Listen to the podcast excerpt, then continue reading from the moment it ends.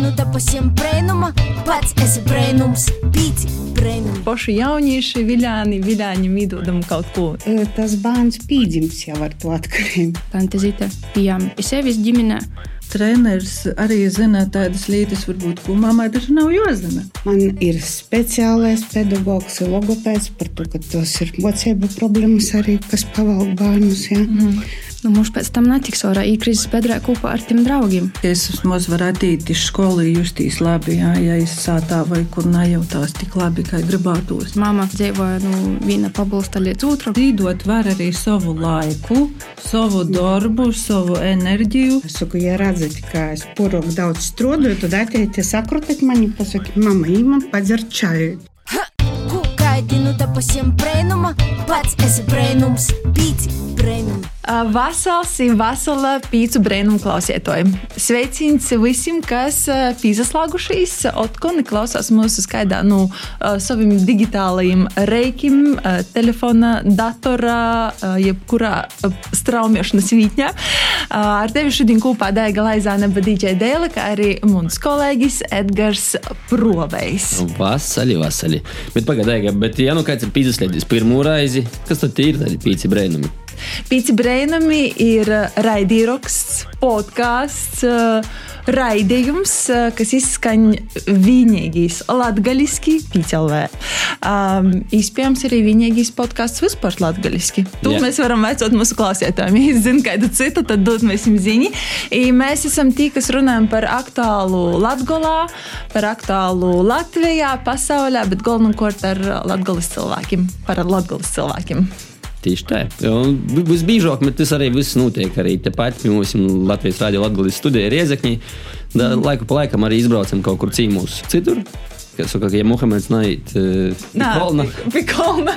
kolna citi Muhameda. uh, jā. jā, nu ko, ir klot decembris un kā katru gadu radio pīci Reikoja labdarības maratona, kura laikā katram ir īspēja zīdot sabiedrībā nozīmīgām problēmām. Pasūtot vienu dzīsmi ar 5 eiro un nozīdot kādam konkrētam mērķim. Ītūgot labdarības maratons tiek veltīts riskam pakļautiem jauniešiem. Jā. Vidēji viens bērns no katras klases apmeklē skolu, klaiņai apliek, līdz apreibinošas vielas, vai ir viena soļa attālumā no kāda nozieguma izdarīšanas. Mūsu šodienas redzējums izskaņās par to, vai mēs vispār pamanām Latvijā. Um, riskam pakļautos jauniešus, vai mēs gribam jūs pamanīt vispār par situāciju kā tādu. Um, Latgolā, Latgolas reģionā. Bet, nu, ko mēs te poši diži daudz neizspredaļāsim, dēļ to mums šodien cīmūs ir paaicinātas trīs dāmas, gosti mūsu, kas palīdzēs mums kopīgi atbildēt uz varbūt jautājumiem, vai uzlikt punktus uz īņu, vai sokt uzdot pareizos jautājumus visiem kopā. Mm -hmm. Daudz funkcionālo sociālo pakalpojumu centra veids Ružina direktore Lijana Teirumnīka. Vasala! Vasali, vasali! Aprēļa novada Vārnītīsas porstove, arī programmas proti un dari vadētoja, izbijusi jauniešu centra četri reiļus vadētoja Santa Ansāna Novika Vasala. Un jaunīte, kas pirms desmit gadiem pati piedalījās labdarības akcijā Laimas Namiņš, un poša sajāma dāvanas, un šobrīd poša ir teikta zīdoja un izmantoja īspēju palīdzēt citiem, kam tas tik ļoti ir nepieciešams. Ingūna Briška, Vacela. Vasarī visiem! Jā, mūsu saruna šodien ir par tēmu riskam pakļauti jaunieši, bet te ir arī tēma, kas saistīta ar labdarību, labdarības akcijām. Varbūt pirms mēs ķersimies dot pīci tēmai, jautājums ir, vai jūs esat pīzdaļījušies kaut kādā labdarības akcijā pošas, varbūt kādi īspaidi sajūtas, varbūt varat pazdalīties. Nu, es laikam sākšu pirmo. Uh, jā, es katru gadu piesadalos, un tu uh, visādu labdarības akciju un projektu ir ļoti daudz, par ko es arī priecājos. Reizēm tiešām varbūt arī nevar uz visiem projektiem, uz visām labdarībām paspēt, bet uh, tas, kas man iekrīt sirdī, vai to, ko es zinu, tad, uh, jā, protams, zīdoju. Uh, tas pats arī jūsu pieminētais uh, dūt pīci, ka iepriekš un uh, pieteicit mani par uh, to laimes labdarības namiņu, tad, uh, jā, es esmu pošu piesadalījusi, bijis bērns no daudz bērnu un maz nodrošinātas ģimenes, kas ir saņēmis uh, itos te dāvanas Ziemassvētkos. Un uh, pēdējos gados esmu arī poša, kas izvēlos tos kartiņas bērniem un uh, saraupēja Ziemassvētkos Ziemassvētkiem dāvanas. Tāpat arī um, eņģeļi par Latviju. Koncerti pa televizoru viss notiek. Katrs mums ģimenē pīzvana un uzīdoja to uh, naudu uz to telefona numuru. Tāpat arī uh, seniorim eņģeļu pasts, ja nesamaldos, mm -hmm. tā sauc. Tad, uh, Nu jā, to, ko es redzu, tur arī pīsadalos, ka arī jā, katru mēnesi naudiņa aiziet arī uh, SOS bērnu cīmata centram. Mm. Okay. Jā. Kāda ir jūsu pieredze? Jā. Jā, ja par mani, tad es arī piesaistos visur, kur, kur manī kaut kas uzrunāja. Nu, noteikti ir jā, visi Ziemassvētku pasākumi, nu, ļoti daudz. Parasti mani uzrunāja bērnu slimnīcas fonds, laikam ir nu, slimiem bērniņiem. Un arī, protams, protams bērniem boriņiem vai bez vecāku, vecāku godības palikušiem bērniem arī, protams, zīdoju. Bet es vispār domāju, ka tie filozofija, vismaz manas dzīves, ir tāda, ka tu kad tur bija desmitā tiesa, ja, desmito tīsa, jā, jodot citiem sabiedrībai. Un tā, es visu mūžu, nu, tādu apzinotu darba mūžu esmu strādājis ar bērniem un jauniešiem un strodoju, turpināju strodot, tikai drusceņi citā formātā. Tad, nu jā, tad man te galveno arī upē, arī kā mammai man pašai, arī ir bērni un jaunieši, jā. Un labdarības akcijas arī dažādas. Pošās reikovusi savā laikā, jā, nu, tagad mazāk, tagad tīsēbu jūmā strādāju vairāk. Bet, jā, vienmēr pīsdalos ir priecājos, ka citi reikoja. Mm. Prieks dzirdēt. Liana. Liana. Mēs laikam tos īstoģis būšu, kas saņem tos zīdojumus, jā, un dažādus pasaukumus par to, ka mums viens no nu, pakalpojuma veidiem ir tāda ilgstošos sociālos aprūpes un rehabilitācijas centra bērni, kas ir bāriņi un vai vecākiem ir tāda atņemtas aizbildniecības tīsības. Jā. Protams, ka mēs arī paši mēģinām kaut ko darīt lietas labā. Mums kaut kas dod, un mēs arī dodam, mēģinam uh, sarūpēt kādas dāvanas pansionātā dzīvošiem vecākiem cilvēkiem. Jā. Paša personīgi pīzdalos tieši bērnam, kuriem ir rāda veselības problēmas. Mm -hmm. Nu, es nezinu, man pašai tas tuvoks tāds.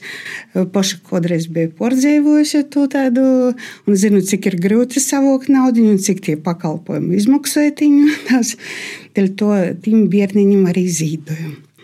Edgars, kā ir ar tevi īstenībā? Vai tu pīzdalīsi? Mm, nav varu sacīt, ka es laikam katru gadu pīzduls, bet uh, pat tad. Uh, kādos akcijos es arī, ka Ingūna sacīja, ka sirdī īkrēt. Laiku pa laikam arī jā, pagošu vai aizpagošu gadu arī dzīvnieku patversmē, kur boca līdzekļus un, un varēja arī, arī temātiku iesaistīts, arī kur bija zīdojumi Ukraiņiem, kad tika vokti. Tas laikam bija laikam pēdējais tāds no tām akcijām, kuros es pats pīzdalījos. Kā ar tevi? Es īstenībā Atceries, kad sokas stostāt par to, ka organizēja labdarības akcijas. Man uzreiz atgoja atmiņā, laikam, pirms gadiem desmit vai pat vairāk. Mēs jauniešu bariņš no Viļāņiem sazavocamies Reigā, uztaisām koncerta programmu, uztaisām plakātus, aizbraucam uz Viļāņiem, uztaisām pasaukumu, uzaicinām arī ģimeņus, uh, kuras būtu priecīgas koncertā būt. Man liekas, tas bija tāds viens no. Nu, jā, tādiem visvairāk atmiņā palikušiem, ka mēs paši jaunieši, viļāni, viļāņi mīdodam kaut ko. Tas tāds, jā. Bet tā, jā, protams, katru gadu vai nu, mēs pat ir uh, Ziemassvētku tradīcijā saimē, ka mēs viens otram nedāvinām dāvanas, bet mēs uzdāvinām dāvanu kādam, vai tas ir labdarības namiņš, vai ir uh, seniori, kuriem, jā, tas ir tas veids, kā apsamainamies ar uh, labu. Jā. Nu jā, decembris tad ir, ir man liekas, tas saistīts arī brīvs. Gan refleksijai, gan arī tādai dalīšanai. Un, un ar to, ko mēs varam, un ar tiem cilvēkiem, kam tas ir vairāk napīcīšams. Nu, jā, un to gada tas sauklis, dot pīci labdarības maratonam, ir palīdz jauniešiem, kurus līdz cilvēki izvēl neredzēt. Mēs gribētu, laikam, drusku vairāk izprast to latgaļas situāciju un nedaudz īskisēt to situāciju, kāda ir pie mums ar riska jauniešiem un varbūt Liana un Santa, varbūt jūs jums ņemot vērā savu profesionālo pieredzi, ir, mm, varbūt jūs varētu palīdzēt izēmēt, kāda ir pašreizējo riskam pakļautu jauniešu situācija, kas ir tas, ko jūs redzat savā ikdienā. Man jau vairāk likās, ka jauniešiem ir izteikti pašlaik, kas manim arī bērnam, kā es saku, ja, man ir 20 bērni, kuriem manā aizgodībā, ja. Tātad, nu, nu, tas ir viens no svarīgākajiem atkarība, ja. Tas ir risks, un nu, it īpaši muņu bērni ir rādu jau daudzim Nu, mamma, kamēr nosūdzam sirds to bērniņu, mm. jā, jau mamma bija lītojusi vai narkotikas. Jā, jā. Mm -hmm. Tas bērns pīdzims jau ar to atkarību, jā, un nu, tā ir cīņa, nu, tāda nedaudz ar, kā mēs sakam, brēži man liekas, ka ir viedzirnām, bet, nu, es cenšos, mēs meklējam dažādus speciālistus, jā, mēs runājam, sarunājam tikšanos, Un pašlaik es eh, esmu piesaistījusi savam centram daudz speciālistu, jā, kuri papildus eh, sniedzot pakalpojumus bērnam ar funkcionāliem traucējumiem, arī palīdz man. Eh, muņim bērnam, da, mm -hmm. es saku, sniedz pakalpojumu. Gan psihologs man ir ļoti stiprs, jā, kas palīdz bērnam, kas ir nepieciešams, viss runāja un, un komunicē. Ļoti daudz tiešām dara bērnu labā. Man ir speciālais pedagogs, ir logopēds par to, ka tos ir mocību problēmas arī, kas pavalk bērnus. Ja. Mm -hmm. Tad man ir mākslas terapeits, ja, kas eh, cenšas nodarboties ar šīm bērniem. Pagaidām bija mums tā mazāka izpēja, izmantot eh, mākslas terapeita pakalpojumu, bet nu, pirms janvāra ja jau būs man štata vienībā, dēļ to man cīši liels prieks, ka, Sūlieti tuvo. jā, ka bērni varēs izmantot jūs pakalpojumu, jā. Tad ir arī interešu izglītības eh, skolotāji, kas man ir atnākuši tādi. Te ir stipri skolotāji, jā, kas tiešām eh, man liekas ar sirdi ir dvēseli savu darbu pildīja. Un, un es domāju, ka nu, kopīgiem spēkiem tādā veidā mēs varēsim tomēr nu, palīdzēt tiem bērniem tikt, eh, parodēt. Mm. To, eh, gaismiņi. To gaismiņi jā. Kādā vecumā ir amplitūdā nu, tie jaunieši? Nu, mēs viņam pārsvarā izdotu breidi. Tātad no nu, pirmās klases līdz 18 gadiem. Mm -hmm. Tūlīt jau īsprum viens audzieknis 18 gadiem būs. Bet nu, 20 pašlaik ir. Jā. Nav viegls uzdevums. 20 bērnus.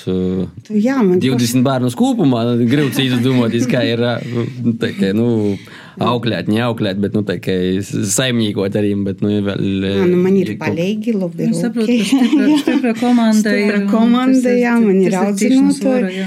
Bērni dzīvoja katras, nu, katras īsadaliet pa grupam. Mums 20 bērni dzīvo četros dzīvokļos. Mm -hmm. Tas, es katru dzīvokli ir audzinotojs, ir aprūpētojs, kas naktī mm. pīskota. Jā, un, un, un tāpat, kā jau teicu, ir rādi speciālisti, kas strodoja dīnā nu, viņiem mm. pie sevis un sniedz pakalpojumus viņiem dažādus. Jā. Santa, tu varbūt no savas pieredzes. Es nevaru saprast, ar ko tik daudz dūmu galvā. Ka... Nu, Jā. Nu, jā, man liekas, ka tie reālo situācijā, nu, jā, es biju vairāk kā gadu strādāju tīši darbā ar jauniešiem, bet uh, es te šodien pacēlu vienu pietījumu 19. gada, 2019. gada. Tieši par latgaļas jauniešiem. Tur bija pieteikti riska grupas latgaļas jaunieši, latgaļītīši. Un, Pieteikuma teica secinājums par to, ka katrs desmitais jaunīts noteikti ir riska grupas, Bet, ja par tādu reālu dzīvi, tad tie riski ir cīši daudz un cīši augsti. Daudziem jauniešiem šajā kampaņā runāja, ka klasē ir viens, ja, tad es domāju, ka noteikti ir vismaz trešo daļa vai puse ir riska grupas jaunieši katrā klasī. Par to, ka riski ir labi, viens ir atkarību riski, kas ir nu, tādi, kurus mēs uzreiz varam saredzēt. Atkarības arī ir diezgan plaši iedziņas. arī ir tie, cieši plaši iedziņas, ir datora atkarības, ir alkohola, vielu, procesu, ēšanas, visādas citas. Jā. Bet uh, vēl jau ir uh, cieši daudz ekonomiski riski. Jā. Uh, ir, nu, kas ir ģimeņais mm. risks, kā mm. tāds. Ir, uh, jau pieminēja par to, ka ir, ir bērni, kuriem ir ja ar vien vairāk tādu bērnu, kuriem ir dažādi traucējumi, logopēdiski runas, mocēšanos, visādi, nezinu, tos visus medicīniskos nosaukumus, jā, bet kuriem vajadzīga šai, šai atbalsts, palīdzība ikdienā. Nu, jā, ja sajam, kurš nesajam, tad... jā, kur, ja nesajam, tad es tam riskā īdziļāk. Mm. Tad es palieku jau pusaudzis, tad es izaugu, tad es tu savu kautrēbu vai mocēšanos, nevarēšanu vai neikļaušanos klasī aizstoju ar citam atkarēdumam, mm. ar citiem riskiem. Jā.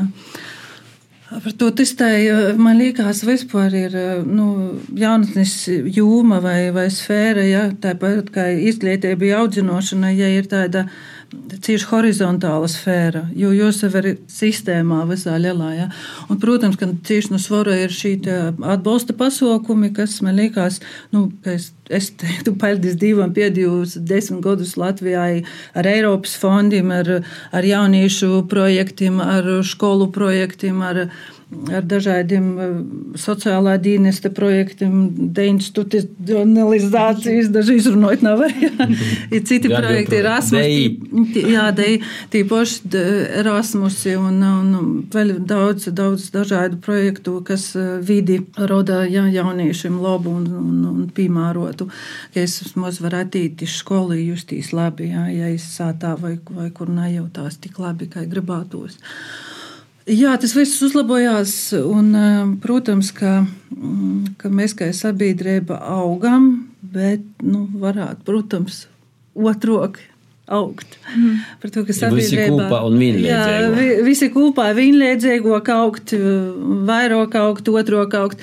Par to, ka pret jauniešiem man liekas diezgan daudz, nu, labi, mums vispār sabiedrībā ir ļoti daudz stereotipu, gan pret eh, senioriem, gan pret eh, jauniešiem tādas grupas, pret kuriem ir, nu, ka vecs to ir vecs, jau vispār guļi nesakust, jā, ko jauns, tad, kad jauns, tad ir tikai glups. Tot glups, dzer i trokoji, jā. Neko nesaprot. Neko nesaprot, jā. nav redzējis. Dzēvi nav redzējis, tā.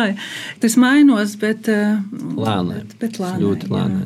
Man jau likās tas tāds garu garīs stosts vienmēr. Protams, jā. Vecāki nesaprota jaunu. Mums likās, ka Es visu laiku kļūdās, visu nepareizi dara.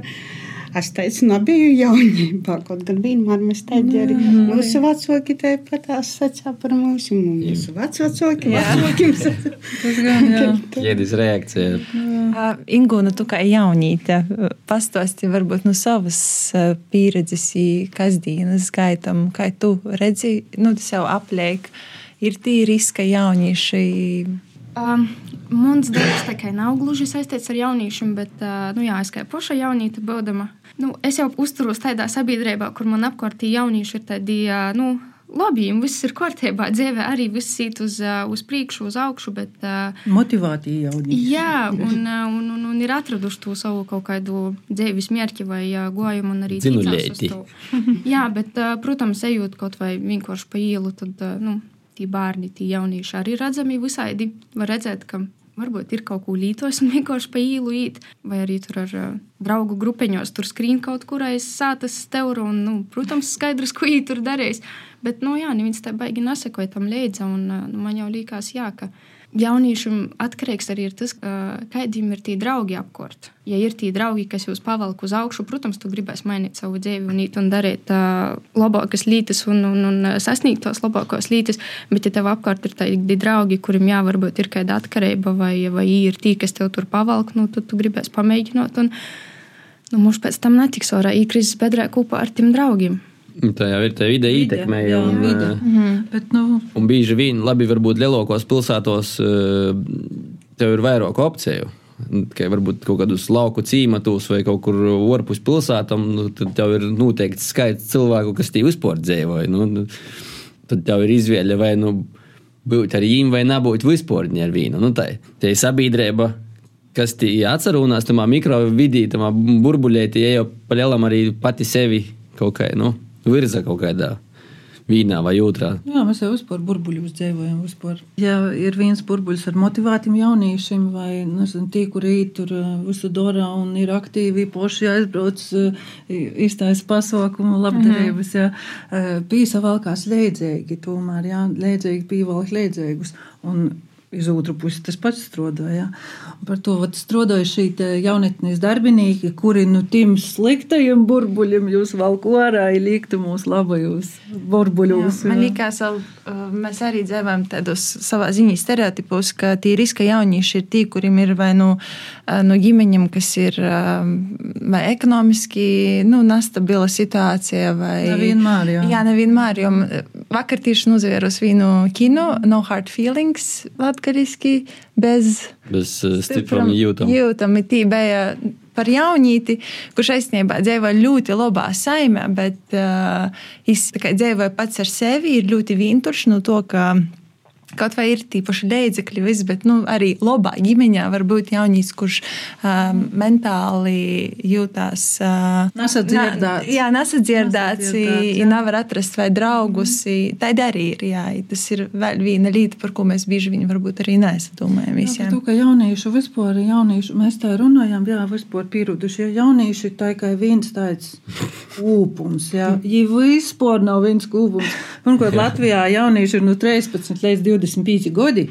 Kas ir 13 gadi un 25 gadi? Ja? Eiropā ir līdz 35. Līdz, pasaulē nu, līdz 35. bet, Dzīvi līdz 65. jā, bet vēl jau iekšēnā ir cīši dažādi katras, jā, katra te grupeņa. Uh, par to, ja te masa ir tāda cīši dažāda, cīši raiba. Un, jā, ir tādi, kas sēž sātāņi, kur naiet. Viņam vajag savu pīgoīni, ja, ja atrast savus tādas nu, metodus, kā jūs uzrunājat. Ir tādi, kuri nezinu, skrīn apliek, bet arī jūtās vientuļi. Ja. Mm. Um, Mums ir viens jautājums par to, kā atšķirt vispār nu, statistiski, vai riska jauniešiem pakļauti ir pilsētnieki vai lauku bērni. Nu, kur jau ir vairāk? Kur ir vairāk? Pilsētā vai? Lauku bērniem jau ir viens risks, attālums mm. geogrāfiskais. Un ņemot vērā īspēju, kaut kāda mobilitātes limitēšana. Tāda, jā. Ja jām nav sātā mašīnas, nu, labi, ja ir autobuss, nu, reiti ir vakarā, iz, iz pilsētu ir cīši mm. labi, bet ir tā, ka reizēm, nu, tas autobuss aiziet tur, nezinu, četros dīnā, jā, un tad tev tur jābūt, tu vari izbraukt no savas sātes, nu, iz Vīnu raizi. Pīcām stundām vai četram, jā, ko tu vari izdarīt vakarā tu nevari nekur palikt jau ārpus sātes. Jā, ja vecākam vēl nav jā, transporta. Jā, jā, jā, jā kaimiņam vai, vai vecākiem nav transporta, jā, nu tur nav. Nu, labi, ja mēs atskaitām geogrāfiju, bet nu, pilsētā jau arī, man liekas, pilsētā ir diezgan daudz papildus risku, kas nenāk arī laukos. Nu, tos pašus narkotikas, es domāju, laukos nav tā, ka katrā trešajā sātā ieejam tikai jau nu, gribi jā, kaut ko, jā. man te kaut kas izplitis. Nu jā, tur arī jādomā, cik liela tā ir pilsēta. Cik... Nu jā, tad dēļ tam, dēļ tam tas jautājums, kā jūs saprotat, te ir personīgi. Kā jūs domājat, kur ir vairāk to riskam pakļautu jauniešu procentuāli? Vai risku ir vairāk pilsētā, vai risku ir vairāk lauku teritorijos? Jā, nu, procentuāli pat tā loģiski padomājot, ja mums pilsētā ir lielāks iedzīvotājs. Tas ir skaita jā, ziņā, jā, bet tad, procentuāli tad ir attīstība. Protams, ka vairāk. At, attīstība pret nu, tiem iedzīvotājiem. Nu, tādā ziņā. Bet pilsētā redz, ir resursu vairāk arī. Jā, var sevi nodarbinot, varbūt tās vairāk īspēja. Vairāk arī naceļu varbūt. ir daudz naceļu, ir daudz izpējot, ko izmantot sevi jā. tādā labā gultnī. Jā. Laukus, ja tu dzīvoji tā, varbūt tās tādā vidī, kur, nu, nu nezinu, viena interese iedzert, uzpīpēt, jā Protams, ka vairs nekas tas neatliek. Vienīgi, ka es pats meklēju, da, cenšas kaut Mans kā dzēds tā dara, mans tēvs tā dara. Jā, es tā darīju. Tas jau, tas jau gan no tādas eh, ģimenes kultūras īt, jā. Un, Arī, bet ne tikai. ja ir izaudzis tādā vidī, kur tos atkarības ir bijušas jau trešajā vai otrajā mm. vai kurā paaudzī, tad nu, skaidrs, ka tam bērnam ir cīņa kļuvušai izraut nu, to visu par to, ka viņam nav atbalsta personas jau ģimenī. Viņš nav, nav sadzirdēts, viņš nav pašā sokumā, tas resurss ir mazāks. Drīzāk jautājums ir tāds, vai tā ģimene, kurai nav tie resursi, ja dzīvo pilsētā vai laukos? Nekādas atšķirības. Mm -hmm. Ģimene, kurai ir resursi, ja dzīvot var laukos, bet ja ir resursi, ja pacēs to bērnu savu, i tas bērns aizīs. Mm. Ja viņš būs mīlēts, drošībā, ar tādu nu, pošu porlīcēm par sevi. Inga, un kā tu domā, kur ir vairāk eh, risku jauniešiem kļūt tamā riska grupā? Nu, Es sacītu, pusējas pusi. Arī jūs visu pieminētais, ka vairāk izpējas ir pilsētā. Tad es domāju, ka tur ā, jā, jaunieši tur darba. Pamēģināju visu kaut ko.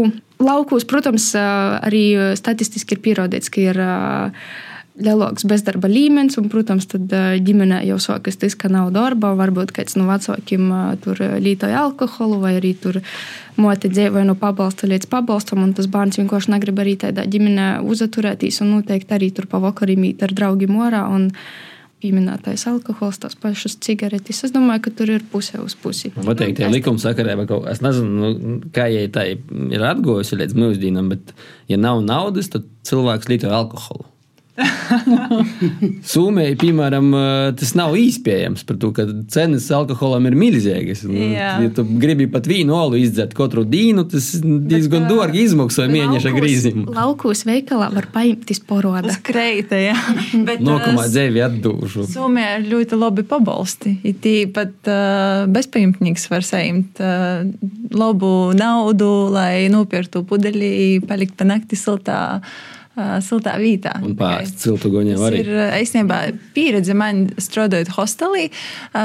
Pirms vairāk kā desmit gadiem bija viens zviedrs, kurš periodiski brauca pie mums, nu jau gados, bet uh, viņš dzīvoja no pabalstiem, bet viņam bija iespēja paceļot par tiem pašiem pabalstiem, plus katru dienu lītoja. Um, jā, nu, tāda dzīve, lūk. Ja bērnu nav, lūdzu, var dzīvot. Bērns laikam bija, bet uh, nu, jā, kā tas var viss izvilkties. Bet, ja mēs, es, piemēram, klausos tādu jaunīcu, kurš, nezinu, jūtās trauksmaini vai, vai ir kaut, kad kaut ko pamēģinājis, vai- pamēģinājis, jā, vai īstenībā domā, es esmu riska jaunīts vai, nu, kā varbūt mēs varam, nezinu, pazdaļāties ar to, kā atpazīt uh, riska jaunīti. Nu, tī viena lieta ir redzēt, protams, apreibinošo vīlu stāvoklī. Nu, bet labi, ne, ne visot, bet tu redz regulāri. Tad tī saprotams, ka kaut kas nav kārtībā. Man liekas, ja- jaunīts ir tāds, eh, nu, pat ne jaunīts, vispār cilvēks, cilvēks kad pīdzims, tiem visu savā dzīvē atnāk pirmo reizi. Pilnīgi katra lieta, ko jūs savā dzīvē darījat, nāc kurā brīdī iet pirmo reizi. Un tā ir cilvēks auga, auga, un es gribu, o, itu pamēģināšu, o, itu pamēģināšu. Mm. Bet tai var gadāties, ka kaut ko es pamēģināju porok bīži. Nu, Tā ir tāds eh, viens no momentiem, jā, tā kā varbūt vienreizēji gadījumi ir īspējami. Man liekas, nu, Jā, bet ja jau atsakorties, Jā, jā. tad, eh, Jūs papildinātu, kā varētu sabiedrībā vieglāk identificēt eh, riska grupas jauniešus, lai pievērstam uzmanību un sāk domāt, kā tam var palīdzēt. Napīt garam, bet tā Jā. būtu uzrunāt. Man jau liekas, pirmām kārtām vecāki ir tie, kuriem ir jāsaskata. Jo tās viens no galvenajiem uzdevumiem vecākam, ja tu audzini savu bērnu, tev ir jādara, jo izklausās, jo izvērās. Ja. Es saprotu, ka ir jādara cīši. Tagad tāds saspringts laiks, jo pelnīja nauda, jā, jo strādā un vēl kaut kas. Bet kā es savējums bērnam sacīju kādreiz, es saku, ja redzat, ka es porok daudz strādāju, tad ateiet, sakrutiet mani, pasakiet, mama, īmam padzer čaju. Tad es saprašu, ka jūs gribat ar mani parunāt. Nu, tā arī dara no bērnības. Ja?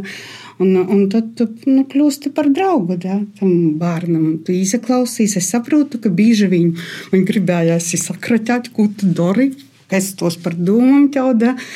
Bet, nu, vienalga, tad tev bērns ir tūs. Un, un caur tiem vārdiem, caur teikumu, tu vari saklausīt, ka kaut kas jau nomocīja. Ja tu jau esi tas pieaugušais cilvēks, kam vajadzētu pavirzēt to sarunu, lai dabūtu to, ko tu gribi dzirdēt, vai apliecinot to, ka tu kļūdīs savos aizdomos. Nu, jā. Un, un, un tad jau nokušies, es domāju, pirmam kārtam jau ir jāda vecāks, otram kārtam ir jāda izglītības īstodīja. Ja mēs mocāmies izglītības īstodīja, kuras arī kādreiz strādāju, da, un kā klases audzinoties, es esmu nuskaitīt tikai otrs vecāks. Jā. Jā.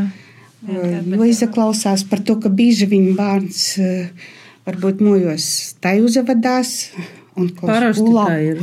Parasti, skolā jā. savaidokais. Jā, un tā, skolā jā. pavisam savaidok. Un tad eh, tas ir tas komandas darbs, jā, kad klases audzinoties sazvanās ar vecākiem, tad izrunājam, tad sākam varbūt tās pazvērtīs gan no vecāku puses, gan no klases audzinoto. Atkal skatāmies, varbūt tās tiešām tie problēma ir milzīga, jā, un tad iesaistam kaut kādus speciālistus, jā, palīgā. Man liekas, šobrīd te, tad, uh, sadarbība starp skolu un vecākiem ir ļoti, ļoti attālināta vai kaut kādos orkortējos gadījumos. Nav? Jūs varbūt mani palabojat, ja tā nav, bet tas te Mēs kā vairs skolēnās, neesam skolāni. Jā, vēl- Man tā liekas, ka nav tāda kūpīnes sajūta, ka, nu, sazatīkam un parunājam, kā, kā īt munam bērnam vai, tā, vai attīt uz vecāku sapuļus, visu tā formāli nūrunājam, man liekas, un tad uh, izkleist. Vai, ja ir kaut kāda problēma, tad par to problēmu runāju.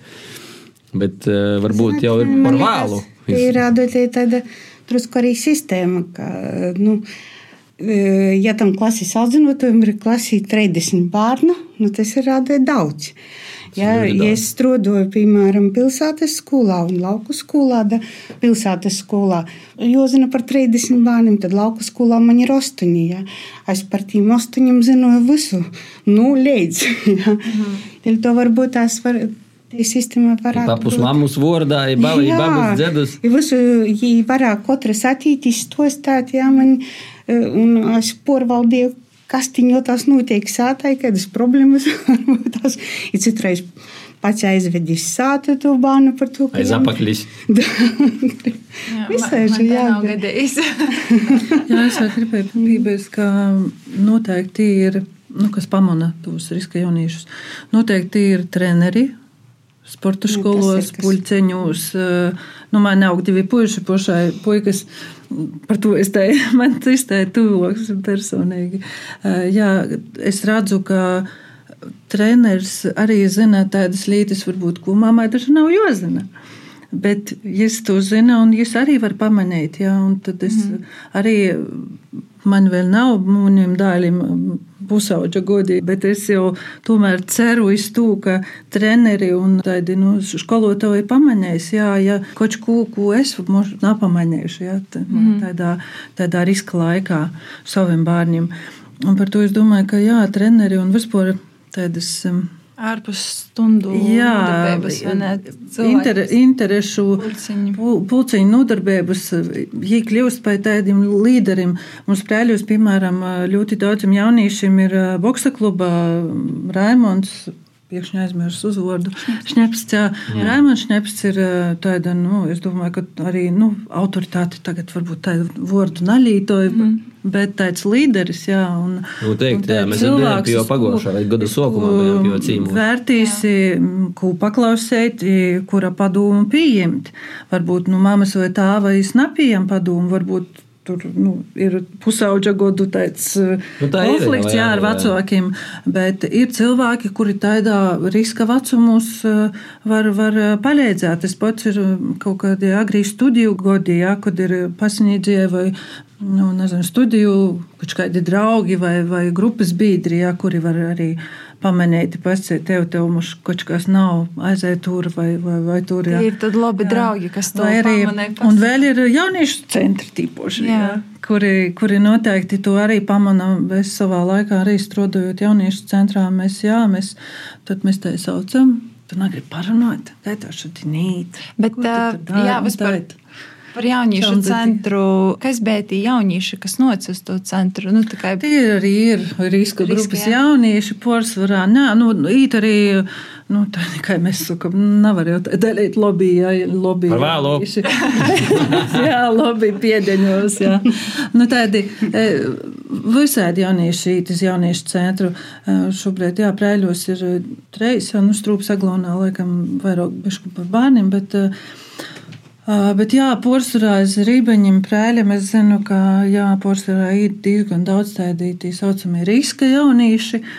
Varbūt kuram nav kur īt, kuram ir vientuļi vecāki, kas arī ir riska grupas jaunieši, jā, kuriem ārzemēs vispār vecāki, kuri, kuri dzīvo ar babām un džedim, kuri dzīvo vispār daži dzīvo vīni poši, jā, kuriem vispār nu, nav kur īt vakarā ar draugiem sasitikties, labāk attīstīties jauniešu centru.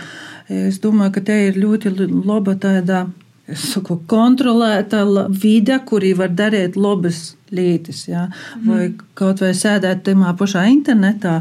Bet, eh, Nu, es dzirdu, es klausos, es ir tādā labvēlīgā Jā. vidē, tādā Es- drošuma uztā. Tādā. Es tieši atceros, tu pastāstīji par tiem jauniešiem, kas palikuši vīni sētā, piemēram, vecāki strādāja. Man bija tāds uh, paralēli klasē vicējās uh, puisi. Paldies Dievam, ka bija arī apliekti tādi forši cilvēki. Nu, Tamā skaitā arī es ik pa laikam pazaroties, bet mēs negojam kopā uz, piemēram, jaunatnes kaut kādu centru. Uh, bet uh, bieži vien mēs gojam gastos pie jo, varam īst futbolu kopā, kinas, vakariņas gatavējam. I Tas ir tas lobbyis piemērs, kad tā kā cilvēks varbūt iespējams varētu būt pakļauts tam kaut kādam riskam. Saku, redz, jā. ir arī draugi, Bet, ā, labi, jā, kuri ir, tomēr notur tos jauniešus, tos riska jauniešus. Mm -hmm. Ja ir labi draugi, tad viņi arī cīši, cīši notur. Īpaši tamā pusauģa vecumā, 12, plus 13, plus līdz 18, kad tu tāds, nu. Tu pats nesaproti, kas ar tevi tur notiek. Ja? Uh, tas tāds sarežģīts arī. Kur nu vēl Jā, moteļi? tīri- Vispār nesaprotu. Tīri fizioloģiski tas tāds sarežģīts posms. Vēl jāmūt, ka tu veidojies kā personība. Ja tu vēl esi riskam pakļauts, tad tas ir no dubultā smagi. Jā. Bet nu, jā, ir viena lieta pamanīt, kad ar to cilvēku kaut kas sok notikt nepareizi vai kaut kā savaidi, bet ko darīt ar jaunīti, ā, kurš jau ir nogojis no ceļa, nu, kā babas saka. jā. Tas arī ir labi jaunieši Jā. nogojas no ceļa. Gan varbūt tu no savas ā, pieredzes vai ir gadījis ā, kādu atbalstīt, ā, kuram varbūt sagojas noīt no ceļa vai Palīdzēt, nozaturēt. nozaturēt, jā. Es sitīņa nevaru izdomāt, vai man ir bijis tāds gadījums, bet no savas pieredzes sakot, jā, es esmu uzaugusi arī tādā nelabvēlīgā ģimenē. Man tēvs mīļoja alkoholu, ja mama uh, dzīvoja nu, viena pabalsta līdz otram. Mēs ģimenē bijām četri bērni. Un, uh, nu, palielam es jau. Uh, Varēja izdomāties, kāda būs mana nākotne, pabeigšu pamačkolu, nu, kuras tur tālāk aizīšu, nu, kaut kur uz tuvāku pilsētu, tur pabeigt uh, vidusskolu, gimnāziju, bet uh, nu, jā, broļi kaut kā patstāvīgai sāka jau uh, strādāt pie kaimiņiem, paši pelnīt naudu, arī tur aizgāja tālāk iz skolām mocīties, un, un, un tad es paliku ar mazu broļīti. Uh, Sātā pie vecākiem, bet uh, man liels atbalsts ir uh, bijusi uh, tante Zita ar ģimeni, jo es ar tēvu vispār nerunāju. Ar uh, moti nevarēju atrast tādu kopīgu valodu. Un, uh, man tas labais cilvēks, kas radīja to gaismu, uh, bija te uh, tante Zita ar ģimeni. Un, uh, es domāju, ka, ja nebūtu jos vai arī uh, tādu labu draugu, ar kuriem uh, nu, klases biedri tūbrīd pamatskolā, uh, tad jā, labi no labām ģimenēm. Uh, nākuši. Es domāju, ka es ar pašu nojutumu neceļos. Tāpēc es esmu pateicīga uh, tam visam, kas tur tad uh, apkārt sasagrūzīja tā, ka uh, tante Zite pieejama pie sevis ģimenē. Es esmu izaugusi un esmu aizgojusi pa neceļiem, tāpēc jā, noteikti ir arī radinieki un cilvēki, kas ir apkārt, un arī uh, draugi. Es to uzskatu, ka ļoti liels pluss arī ir uh, labiem draugiem, kas tev ir apkārt. Bet, uh, Un te ir atšķirība, ka nu, nu, ģimeņas mums draugus izvēlēt ir daudz vieglāk. Ģimeņi, nu, izvēlēt, tu nevari, bet nu, var, var narunot, piemēram, jā, nu, tā kā atcerūbežoties drusci. Ar draugiem un cilvēkiem, ar kuriem tev nav ašņa, attīstības, tad drusku vinkošo, ka tev traucē, vai jūs saprotat, ka nav pa ceļam, tad saki, nu, sorry. Laiks, Var uh, pavaicot privāti, kāds jau bija vecums, kad tu Privāti visai privāti, Latvijai. privātu vaicojumu. Uh, kādā vecumā tad tu tā kā aizgoji dzīvot pie tantes zitas, jā? Cik Oi, tur ir, ā, tur ir sarežģīti. Viss jau sākās, kad man bija viens gadiņš. Kad vecāki nonāca slimnīcā, es ar saviem diviem vecākiem brāļiem gandrīz nokļuvu bērnu namā, bet tante Zita pieņēma mūs pie sevis, audzinot to visu gadu, kamēr vecāki ārstējās. Un, tāpēc pieciem gadiem man uzrādījās mazs brāļēts, un tad es ļoti padzīvoju uz pasātu, aukļēju, palīdzēju mammai ar brāļētu. Bet uh, tā ir laikam, no kādas piektos vai sastos klases, es tai pavisam pārsavočos dzīvot pie tantes. Un arī tas, tas tāds vecums, kad tas 5. un 8. klasē jaunieši tad tur savukārt arī nesaskaņas saistībā ar draugiem vai tur mocībās palīdz grautāk. Un tad, protams, gribīs visam atmest ar rūku un domāt, nu, ja jau mani vecāki tai var dzīvot, neko nestrādājot, nedarot, tikai nu, pabalstim, ko ies nevarētu. Bet, nu, nē, ļoti, ļoti labi, ka ir tādi cilvēki, kas motivē un liek sasimtīs, un tu tomēr dzīvē var sasniegt vairāk tos labos gaismiņus, tomēr man liekas, ja ir gana spūža bieži vien, lai, lai tomēr arī pazudāties. Arī īdot cerības stareņu arī citiem blakus esošiem cilvēkiem. Jā, um, man te ir viens sagatavots. Uh, Fragments no LSM Latvijas raksta, ko gatavē mūsu žurnālisti Latvijas Rādio Latvijas studijās. Nolasīšu, tad mēs varam padiskutēt. Varbūt rasīs sajūtas. Jā, Napasīna kolēģi devos.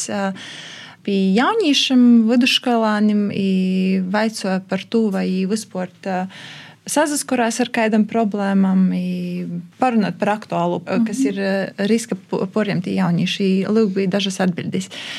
Pirmā atbildē - mani vecāki negrib par to runāt, jo domā, ka man vai brālim vai māsai nav nekāda problēma. Viņi saka, tā taču viss kārtībā, ko tu čīksti. Otrs piemērs Esmu bijusi pie sešiem skolas psihologiem. Es negribu apvainot skolas psihologus, bet es reizēm domāju, ka viņiem algas pietrūks, ka viņi negrib par tiem skolēniem runāt. Tāpēc, ka atbildes ir ļoti sausas. Tad ir turpinājums vēl. Trešais piemērs. Man atzīmes saka, kristies. Es ļoti bieži uz skolu vienkārši negāju. Es vienkārši tajā vietā nejūtos labi. Es pat uz mācību gada beigām izlēmu, ka jāiet prom, izņēmu dokumentus bija tajā skolā sociālais darbinieks vai kas tamlīdzīgs, bet uh, tas nebija tik pieejami. Es pat, ja godīgi, nezināju, kur būtu jāiet, lai tiktu ar viņu runāt. Tas ir dažas atbildes no, no vidusskolāņiem, uh, ko saņēma mūsu žurnālisti. Te jau atspoguļojas tas, ka vecāki uh, ir viņi, kas varbūt jau sakņā nogriež uh, to pašu īspēju domāt, ka tu vari kaut ko mainīt, justies labāk. Vai neredz un nedzird? Vai neredz, ne, nedzird, jā. jā. Otra lieta, par ko runāju, par tom īspējam, um, par to, kas ir dots jau tam, vai jos vispār ir pieejamas. Pieejamas vai arī funkcionē. Funkcionāli, jā. Tas jā. viss Jā, kā jums šķiet, vai mēs kā sabiedrība esam informēti par īspējām, kas saistītas ar palīdzības eh, sniegšanu un saņemšanu? Es te domāju, informāti, informācijas teiklus daudz kur pazarodās, da, bet uh, otrs veids ir rādot, cik daudz mēs gribam jau pieņemt. Jā. Bieži viņi ir taika. Uh, es pilnīgi labi saprotu arī tīvīns izteicīns bija meitiņas, jā, ka psihologs tīk nevar daudz atbildēt, sausas, sausas atbildes. Jā. Jā. Vienkārši arī izglītības īstenībā tos likmes ir tik mazas tīm mm speciālistam. Es saprotu, ka viņš pat uzsākot strādāt ar kādu bērnu, es nevaru veltīt tik daudz, cik vajadzētu tam bērnam. Es jau redzu, tagad, piemēram, centrā strādājot, ja, es redzu, cik daudz aizņem laika pie speciālistu. Cik viņi prasa tos enerģijas, tos enerģijas. Un tad salīdzinot, tad, kad strādāju izglītības ja, nu, tā ir, gudīgi sakot, viena simtdaļa kaut kāda. Ko, tas, Nā, tas nav kā pēc buļciņas. Man lūdzu buļciņi, šā lūdzu. No, nu, man lūdzu palīdzību, jā, lūdzu. Nu, lūdzu, šeit būs palīdzība. Jā, psihologa te viena te konsultācija, mm. nu, ja neko neatrasinās tam skolas bērnam. Ja. Jā, es nepaspēju. Es nepaspēju, jā, problēmāti. Es, es nepaspēju varbūt pat atsevērtīs. Jā, man, jā. man tagad centrā da katru dienu prasa uzmanību. Un tas, speciālists, ja kādu dienu nevar paimt, jā, jo porliek uz nokušo dienu. Mm -hmm. Es saprotu, ka tas bērns neiguva to, ko es gribētu tajā brīdī. Nu, tad mēs pieslēdzamies sociālais darbinīgs, ja, vai pie manis kabinetā. Es saku, nu, tad pasēdēsim, parunāsim, teju iedzersim par to, mm. ka, nu, Nu, nu, ja tam bērnam vaktimā brīdī, jam ir jodabūja tie atgrieznisko saiti. Ja?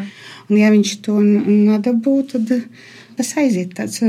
Es vai nu tu kroji sevi kaut kur iekšā, vai nu izlīk kaut kur navītā. Jā, katras personība savaidoka, jā, katras savaidoka risina. Viens var aiziet tāpatās izabļautīs pagolmā, da ko tu mani napījāmi psihologs tagad, da. A otrs atkal sēdēt, krot, krot, jā, un pēc tam Piemēram, tiņotās pēc kādas nedēļas, ja tā uzsprūd gaisā, nu, Plus vēl ir vispār sazavoktīs, spērtu sūļi aiziet pie tam durvām, pieklauvēt, paprasāt palīdzību, tas arī ir palīgt vispār. Bet es vēl domāju par tādu lietu, ka mums ir tik daudz jauniešu un tos informācijas klosts vispār, nu, tik daudz tos informācijas, ka jaunieši īpaši tādā agrā jauniešu vecumā, ja nevar um, izvilkt to vajadzīgo vai būtisku. Tas ir porcelāna. Cīņš daudzos informācijas mm. porpildēts. Viss tik otri notiek, ekrānā ir tik šaudos bildētis. Ja, un, Stundis paiet. un otra lieta, jā, pat ja es zinu, kuriem grīstīs, jā, nu labi, ir psihologs skolos, jā, ir sociāli pedagogi, klases audzinotoji, ir, nezinu, tur bija pilsētā, tad ir jauniešu centrs, pogastā bibliotekārs vai kultūras darbinīgs vai, nezinu, skolas jauniešu līderis, kaut kāds. Otra lieta ir, a, kā es tā īšu? Padomāju, kas tas tāds sliktoks. Mm -hmm. Par citiem, nu, kā, nu, porvarēti kas palikt. man švāki kaut jā, kas. Kas man, kas. Nas, salūzu. Man, jā, salūzu, jā.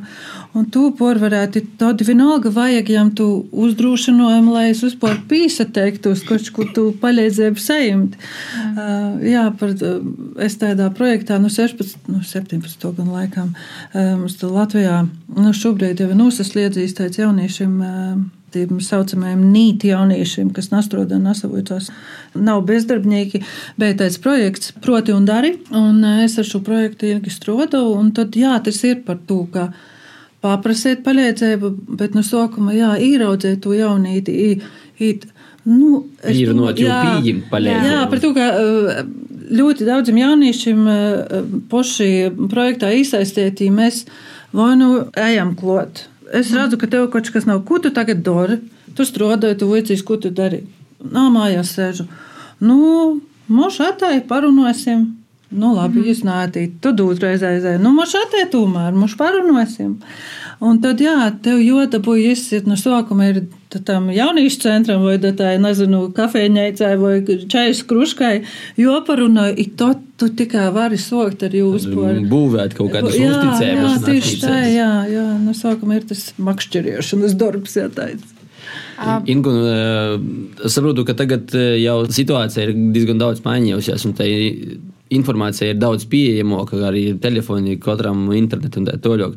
Bet eh, kā bija tavā laikā, kad eh, varbūt vai tu zināji, eh, kur meklēt palīdzību, kur ir palīdzība ir pieejama, vai tu tik to arī nepaspēji aizdomāties, ka bija klāta tante Zita un paldies jai? Um.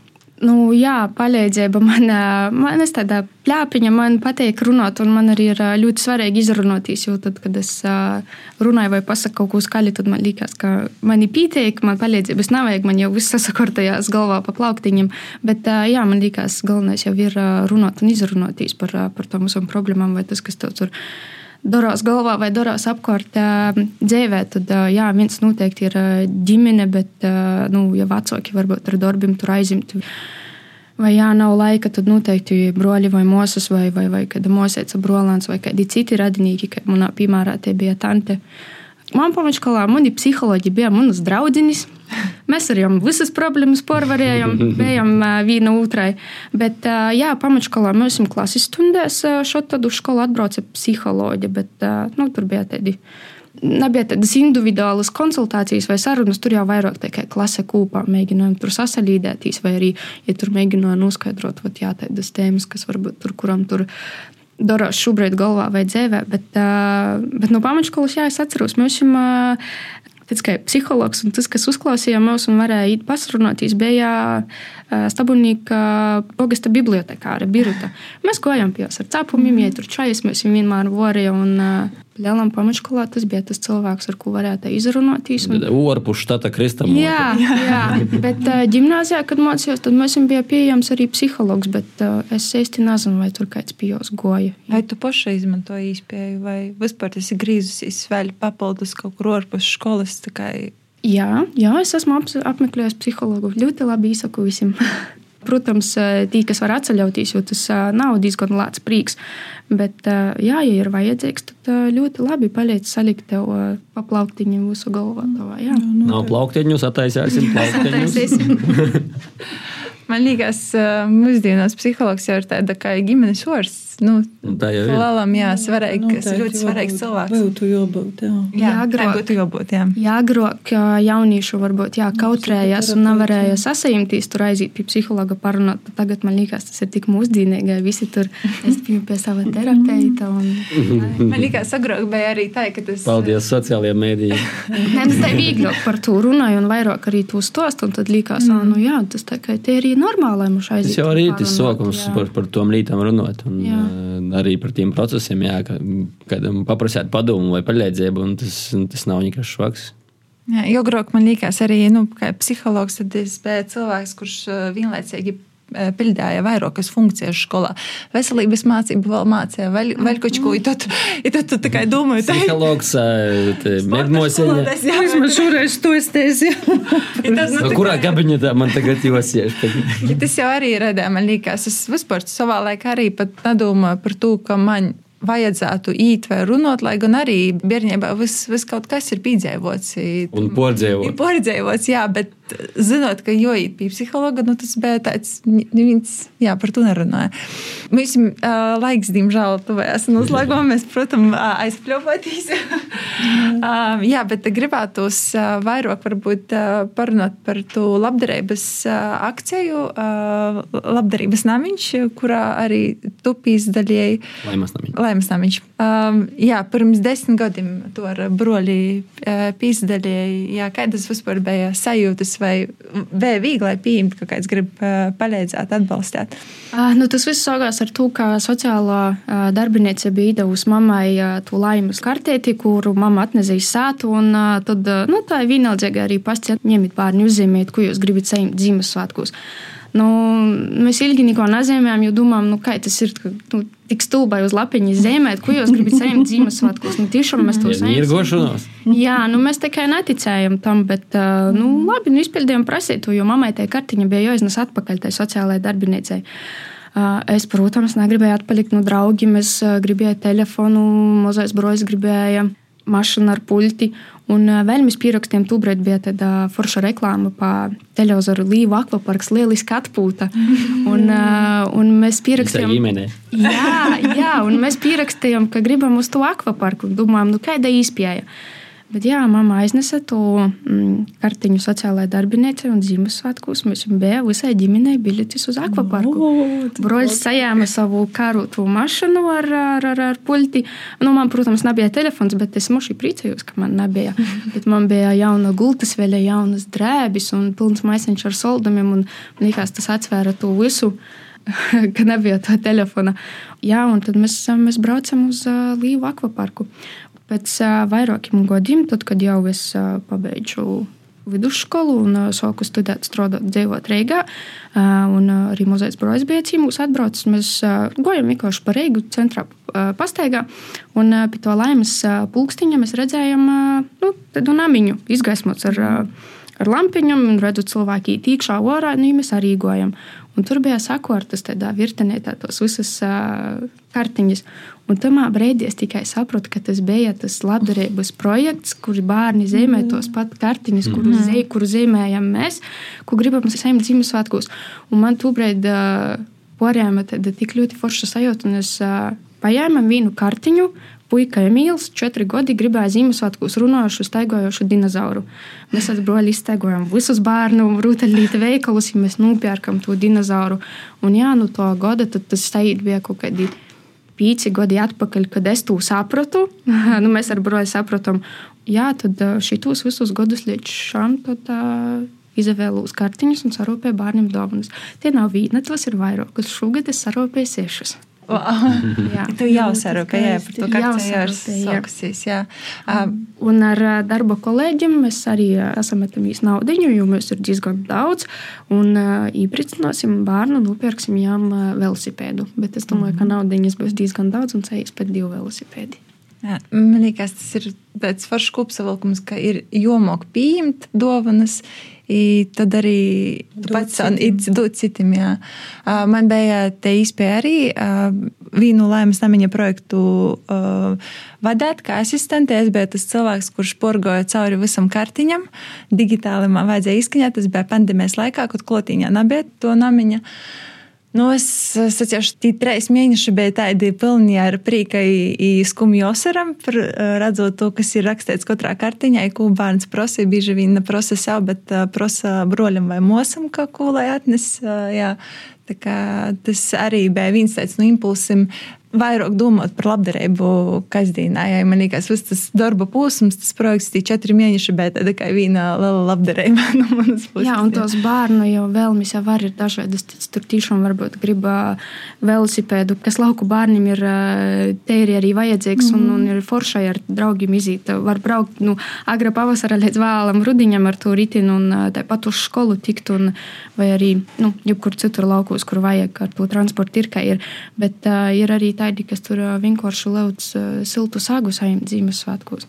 Tas arī daudz ko pasaka. Bērns grib vienkārši siltu sagu vai, vai kaut kādas jaunas zečus vai jaunus zīmes zobokus, jo tu saproti, ka nu, nav tādas iespējas, ja es nāku no tādas ģimenes, kur nevar nodrošināt tev zīmes zobokus.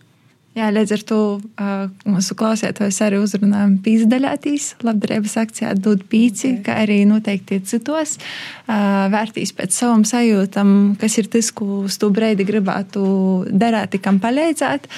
Vairosim tādā veidā labu, uh, darot labus darbus. Padrusciņā, jā.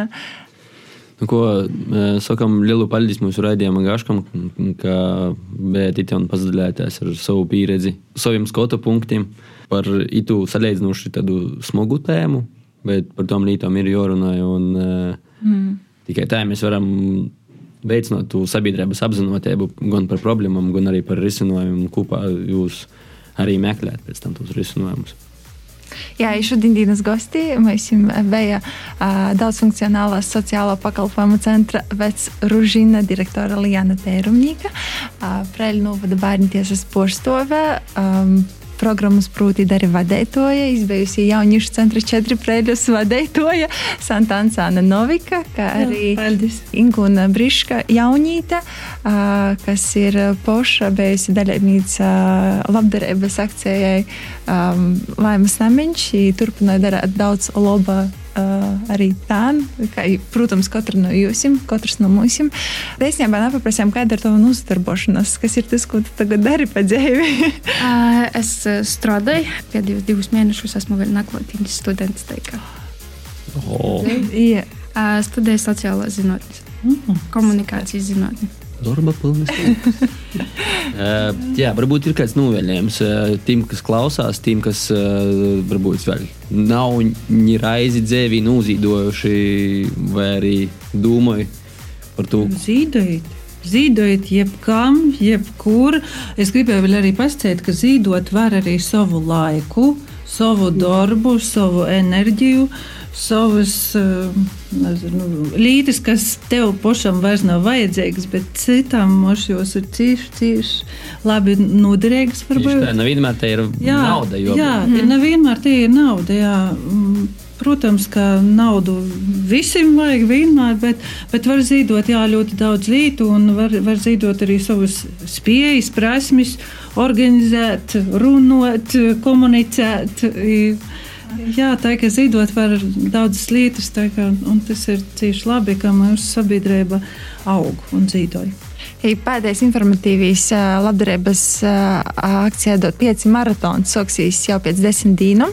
Tā kā stikla studijā atkal būs viens DJs šogad īslāgts. Tas būs Toms Grēviņš, kurš sešas dienas pavadās viens pats tī.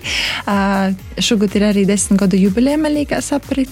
Negribu sajaukt. Jā, bet, jebkurā gadījumā, runājot par labajiem darbiem, meklēju arī jauniešus, kas grib brīvprātīgi palīdzēt. Līdz ar to, ja tu klausīsi, tev ir sajūta, ka tu gribi kaut ko šogad izdarīt.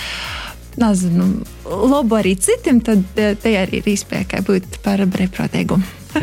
Ar to raidījums ir nozaslēdzis.